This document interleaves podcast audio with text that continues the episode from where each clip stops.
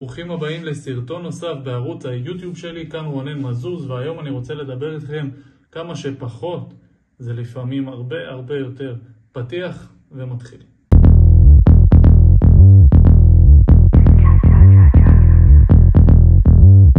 עצרו הכל, עצרו, עצרו שנייה, בואו נחשוב יחד. האם גם לכם זה קורה שאתם ממלאים את היומן שלכם ואת ה-to-do list שלכם במלא מלא משימות חסרות תועלת שמבזבזות לכם את הזמן והן לא באמת קשורות לחלומות וליעדים שלכם? אני מניח שהתשובה היא כן. אבל חשבתם על זה, יכול להיות שאנחנו עושים את זה כדי להשקיט את המצפון שלנו?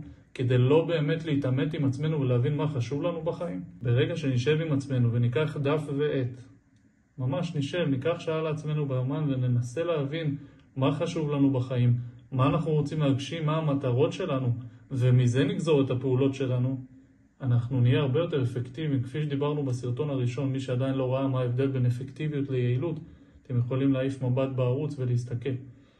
אז ברגע שאתם תסתכלו ותבינו עם עצמכם מה המטרות שלכם, אתם כבר לא תמלאו את היומן שלכם במיליון משימות, זה לא הרעיון של ניהול זמן. יכול להיות שאני מחדש לכם ו... ושמעתם בהרבה מקומות אחרים שצריך כל הזמן לסמן וי ועוד משימה ועוד משימה ועוד משימה. זה יפה, אבל זה לא העיקר. העיקר הוא להבין מה אתם רוצים בחיים, ואז מזה לגזור את הפרויקטים והמשימות שלכם. פחות זה הרבה הרבה יותר. תתמקדו במה שחשוב לכם, תבינו מה היעדים, מה החלומות, ותתחילו להגשים. בסרטון הבא אני הולך לדבר איתכם על איך נראה היומן של ביל גייטס. מאוד מאוד מעניין, שווה להישאר בערוץ.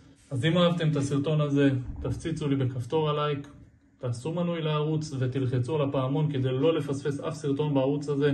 מבטיח לזקק לכם תוכן איכותי שישרת אתכם ויעזור לכם להגיע ליעדים שלכם. אז תודה רבה לכם שצפיתם.